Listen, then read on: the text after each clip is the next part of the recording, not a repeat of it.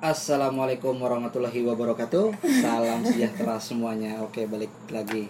Nggak balik lagi dong. balik lagi. Selamat datang. Tadi Oke. episode pertama. Selamat datang ya. Ini ini episode pertama ya. Iya, episode Oke, pertama. episode pertama akhirnya kesampaian juga setelah banyak wacana ya kan. Setelah banyak cangkeman ya kan. Akhirnya kita bisa rekaman juga. Nih gua Faris, samping gua ada Aaron, Heran kita kayaknya kita emang masuk akhirnya nggak punya kerjaan ya. Untuk bikin ya rekaman. Ya satu hal yang membuat kita bikin podcast ini emang lagi ngetren satu kita juga sering dengerin podcast. Terus ya akhirnya pengen gitu. Maksudnya ngelihat banyak orang yang podcaster podcaster itu bikin podcast anjir simpel banget gitu intinya gampang. gampang gitu Soalnya cuma ngoceh, Cuma kita juga ngoceh. bisa ngoceh Ya, doang. Kalian tidak akan bisa melihat muka saya yang sedang tertawa misalkan gitu kan. Gimana Ran? Ini podcast ini podcast apa namanya?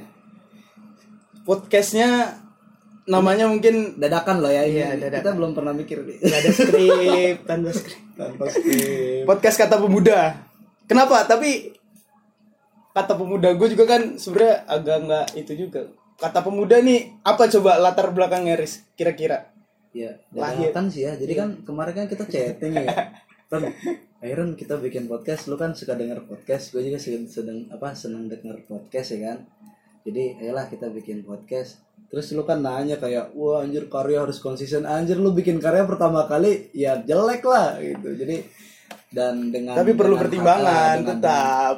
Ya dengan harapan ya kita pengen konsisten kita pengen berkarya hari ini kan ketika kebebasan berpendapat ya sudah dibuka seluas-luasnya artinya kan ya ya kita mengisi kebebasan berpendapat itu dengan ngoceh di podcast Karena mubazir kalau Mubazir. ya saya benar benar benar. Tapi kalau mau bahasa kerennya, kata pemuda itu kan iya punya apa namanya?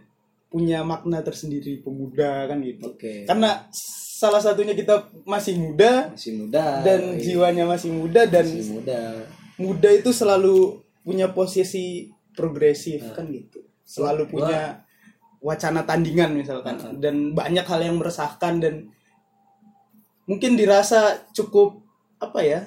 cukup penting juga keresahan ini. Kira-kira mungkin banyak juga mungkin yang nanti oh iya bener juga nih apa kata dia. Gue juga dari dulu mikirnya gini. Kan gue gitu. senang sih ada di fase ini serius maksudnya lu lu mungkin ini ya apa namanya sering-sering ingat waktu masa kecil lu ketika lu jadi anak kecil main suka main terus lu main dikit apa ngeratak dikit mecahin kaca misalkan mecahin gelas lu pasti banyak batasan lah diomelin apa dan akhirnya lu di fase di hari ini misalkan gua nih gua ada di fase di mana gua mulai-mulai mendapatkan akses yang lumayan luas sih gitu. Maksudnya gue udah diang- mulai dianggap dewasa gitu kan mahasiswa gitu. Terus ketika gue ngomong juga omongan gue mungkin sedikit banyaknya masih dengerin walaupun apa bisa didengerin gitu. Walaupun ya mungkin banyak yang anggap juga ya kayak mamang gue tuh katanya. Itu masih ijo deh jadi banyak omong gitu. Waduh oke siap gitu kan. Tapi tetap dilibatin gitu. Kayak misalkan ada ya apa namanya di di tempat gua gitu. Ya gue dilibatin di panitia apa Isra Mi'raj apa remaja masjid Karang Taruna. Ya gue senang sih ada di fase ini. Maksudnya fase yang akhirnya lu bisa eh, berpikir secara rasional gitu. dan punya eksistensi. punya eksistensi lu juga bisa udah udah mulai bisa eh, ngebedain mana yang baik mana yang benar. Lu hak. Eh, ya, maksudnya maksudnya gini setiap hari lu lu dari bangun tidur sampai tidur lagi lu bisa bisa bisa ngelakuin hal-hal yang yang lu tuh udah berpikir matang-matang yang meskipun gak matang tapi seenggaknya lu nggak kayak anak-anak banget lah gitu. Hari-hari lu gitu. Tapi gue juga ngerasa sih, maksudnya yang bener di fase entah disebut pantas nggak disebut pemuda ya. Tapi gue ngerasa kalau yang urusannya privat banget misalkan di keluarga, gue mulai dipertimbangin sih pendapat gue di keluarga kayak nyokap gue mulai nanya, dek walaupun masih panggilannya dek, gimana lu anak berapa sih anak bungsu? Wow, gue anak sulung ya. Oke. Dek, menurutmu kayak gimana? Kayak urusan bisnis, urusan masalah keluarga yang Secara anak sampai- manajemen ya kan. walaupun masih sering dianggap sebelah mata pendapatnya tapi seenggaknya daripada kayak dulu fase sekarang mahasiswa dan cukup punya pikiran lah Lu, kayaknya lu anak bungsu disirikin sama abang-abang lu gak sih? enggak abang gue cuma satu abang lu cuma satu. Lu lu, lu bersaudara berarti. ya? belum saudara Oke. Ya begitulah pokoknya. Ya makanya kita terinspirasi ya.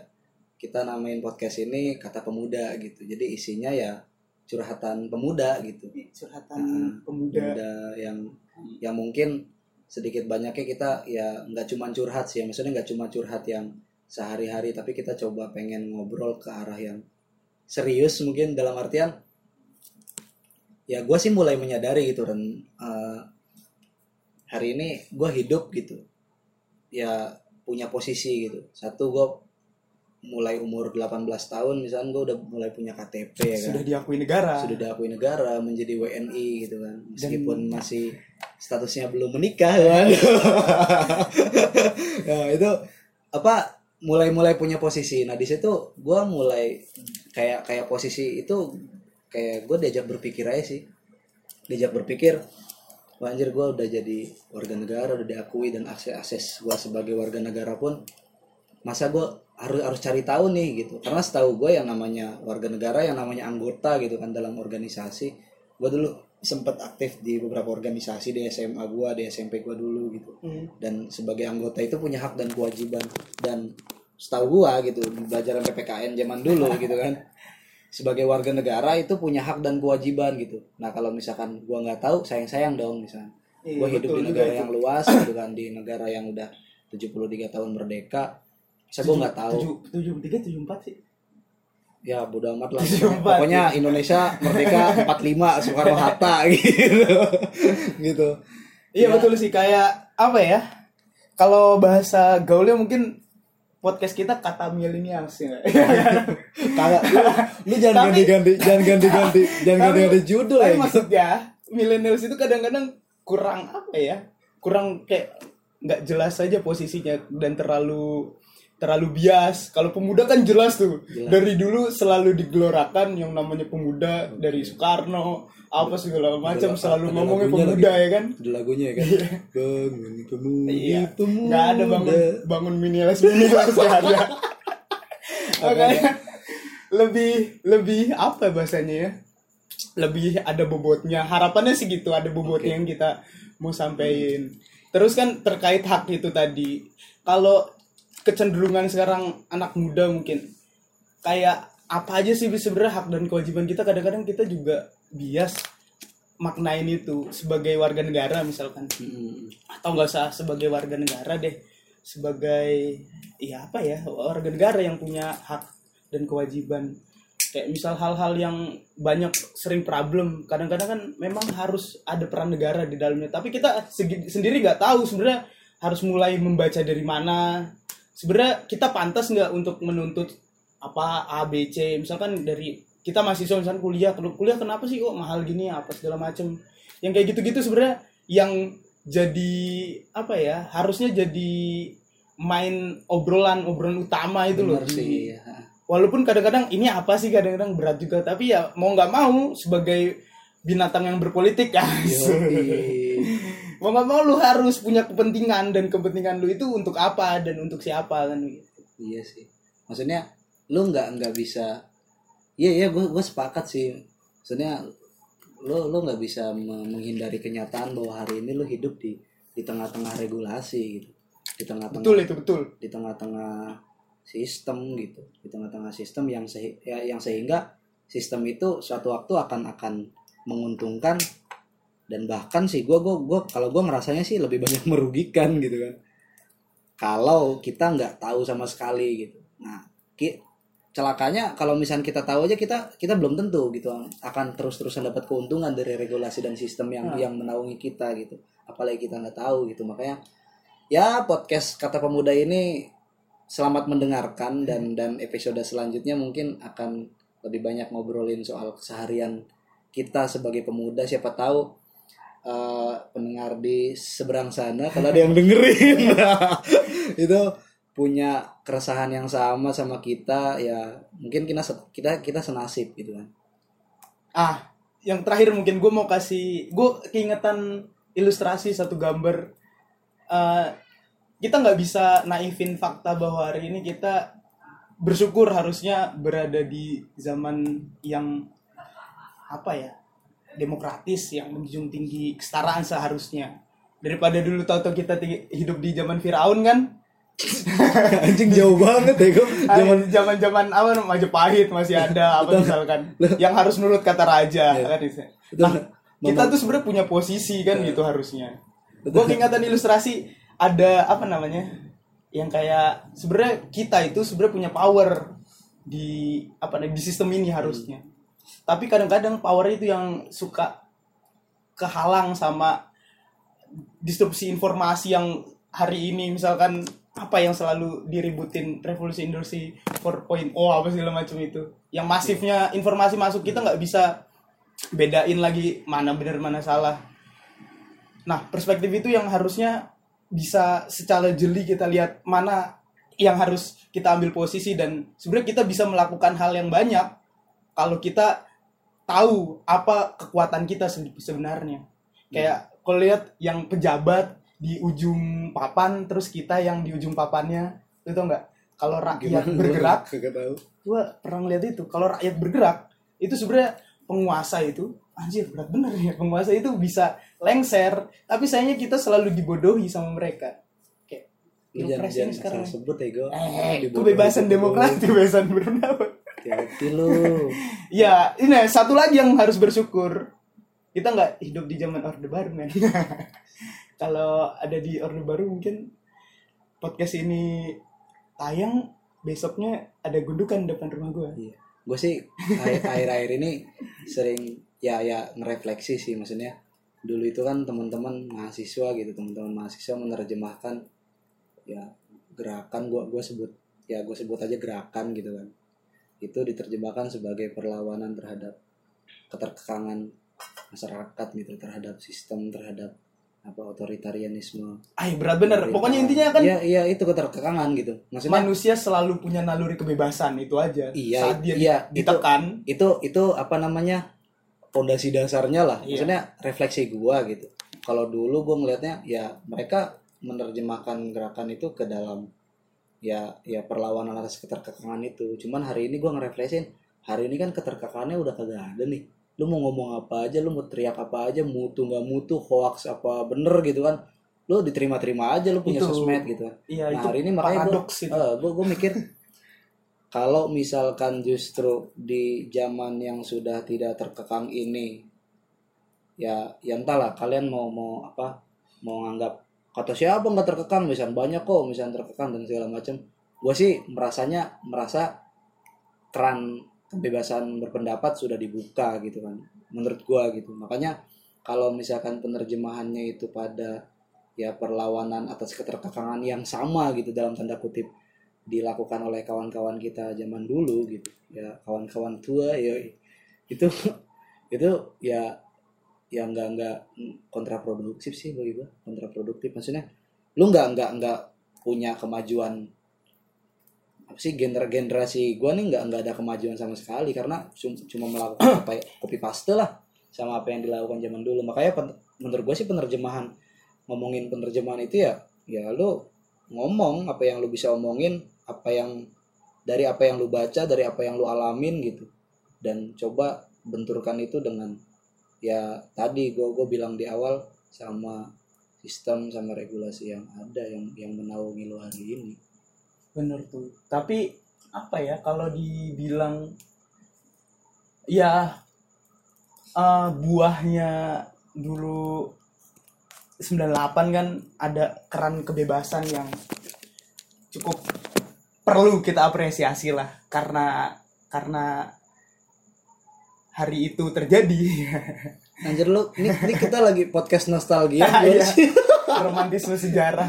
Tapi maksud gua eh, banyak hal yang kalau ditilik jauh lebih dalam sebenarnya kebebasan berpendapat dan berekspresi di Indonesia juga punya punya apa ya bahasanya lubang busuk di dalamnya juga. Ini kalau dilihat tuh kan kayak agama kita agama damai ini kan sebenarnya poster gue yang sengaja gue tempel biar kalau orang datang sini ngelihat bahwa hari ini kebebasan nih ketuhanan yang maha ormas apa segala macam itu. Kadang-kadang juga satu salah. Lu ngoleksi ya apa Nah. poster-poster yang kayak gitu ya? Enggak biar kelihatan keren aja. Kayak enggak sih kayak gue seneng aja. Seneng ya? Iya iya iya iya iya iya. Nah itu punya punya paradoksnya satu. Yang kedua juga banyak regulasi yang hari ini justru jadi alat kadang-kadang buat apa bahasanya penguasa anjir priamat kayak kema- kayak kita lihat undang-undang ITE kayak gitu. Kemarin rame-rame soal RU permusikan terus eh, apa? Kemarin di kediri soal apa buku-buku itu di razia pembubaran pembubaran diskusi-diskusi. Banyak kalau kita mau itu. Misalkan kemarin juga apa namanya soal Freeport mau nemuin Iya, Jokowi gua gua tapi akhirnya gua nggak represi. gua nggak seluas itu sih update nya anjir. Nah iya iya. maksudnya tetap eh, kebebasan itu kayaknya secara prosedur udah dikasih. Tapi mungkin kita sebagai yang yang punya akses untuk menggunakan kebebasan itu kadang-kadang belum punya tempatnya tuh untuk menggunakan itu seoptimal mungkin bagi bagi kemajuan kita lah bagi kemajuan siapa Iya, lagi iya. Nah, hal-hal yang kayak gitu kadang-kadang kayak misalkan banyak sejarah soal wartawan dibunuh, ya kan iya iya iya iya. apa segala macam dan itu nggak pernah diekspresikan secara lebih. Ya boleh sih, tapi kadang malah ada yang diintimidasi dan itu fakta. Nggak bisa kita pandang sebelah mata loh. Eh, Kebebasan ekspresi hari ini ada. ya intinya dari yang cerita yang serem-serem itu ya kan anjir serem ceritanya. lu baru episode pertama ya kan, lu udah serem-serem aja kagak kagak kita apa kag- kagak punya niatan untuk Nakut-nakutin. bukan bukan nakut nakutin maksudnya bah konten podcast ini konten senang senang ren lu mah baper banget anjir kagak maksudnya gini Ah ya ya da, ya Aaron bener juga gua nggak nyalahin. Maksudnya ya tapi nggak jangan nggak seserem itulah. Maksud gua ketika hari ini keran eh, kebebasan demokratisasi itu pasca tumbangnya orde baru itu dibuka gitu. Artinya kan yang ada ya ya ya konflik kepentingan gitu. Maksudnya konflik kepentingan siapa pun punya hak atas atas kepentingannya masing-masing gitu. Iya betul. eh, dan dan apa namanya dan di sana kemudian ya namanya demokrasi kita tawar-tawaran lah. Lu punya kepentingan apa misalkan mungkin kepentingan gua sama lu beda gitu kan. Hmm. terus kemudian kita kita pengen kepentingan itu satu sama lain dijadikan regulasi gitu. Nah itu kan jadi itu kan ya gua kira itu yang terjadi di di apa di negara kita hari ini gitu. Masing-masing kepentingan itu kayak bertarung gitu. Bertarung untuk untuk gimana caranya kepentingan yang menurut dia yaitu udah klop udah idealnya dia gitu itu berusaha gimana itu jadi regulasi dan kemudian dipraktekkan ke semua masyarakat yang kepentingannya beda-beda jadi ya bener-bener de- ya apa sih Apa? tanding gitu Iya. tarung gitu Wah, mantap itu berarti kan. Nah, hari ini berarti lewat podcast juga kita berusaha berkontribusi apa kepentingan apa bahasanya pemuda yang mau kita keluarin dan mungkin yang mau denger nanti masih berjiwa muda kita bisa saling sharing apa segala macam nanti kita apa namanya submit juga Hmm. email apa segala macam kita bisa kontak-kontakan segala macam. punya makna apa sih soal pemuda? Gue apa pemuda ya? Dia punya itu punya kemakan quotes apa gue ya? Gue mau jawab. Selalu Najis. mendekat selalu Hidup- mendekat hidup mendekati lu. quotes. hidup lu dibayang-bayangi coach anjir. Enggak bukan gitu. Tapi quotes itu kan dia retorika yang di di apa namanya bahasanya disolidkan lah menjadi satu kata-kata yang kalau digelejetin itu punya makna yang lebih. Kalau Tan bilang pemuda. Manjada manjada. Ideali- idealisme ya kan gitu. Barang siapa yang bersungguh-sungguh dia akan itu gimana tuh kalau belajar ini dibelajati wajada wajada iya. Kalau manjada wajada percuma lu mau sebanyak apa pun doa kalau nggak ada kerja kerasnya. Kan gitu. Konteksnya nanti bahwa masyarakat yang hari ini terlalu religius misalkan. Yo, terlalu halai ya pemuda balik lagi. Iya balik lagi pemuda. Pemuda, gue cuma punya satu kata. Idealnya progresif. Kalau dia mengaku pemuda tapi pikirannya masih apa ya? Masih terlalu apa? Konservatif tuh apa ya lawannya? Kan progresif konservatif. Konservatif bahasa gampangnya apa sih?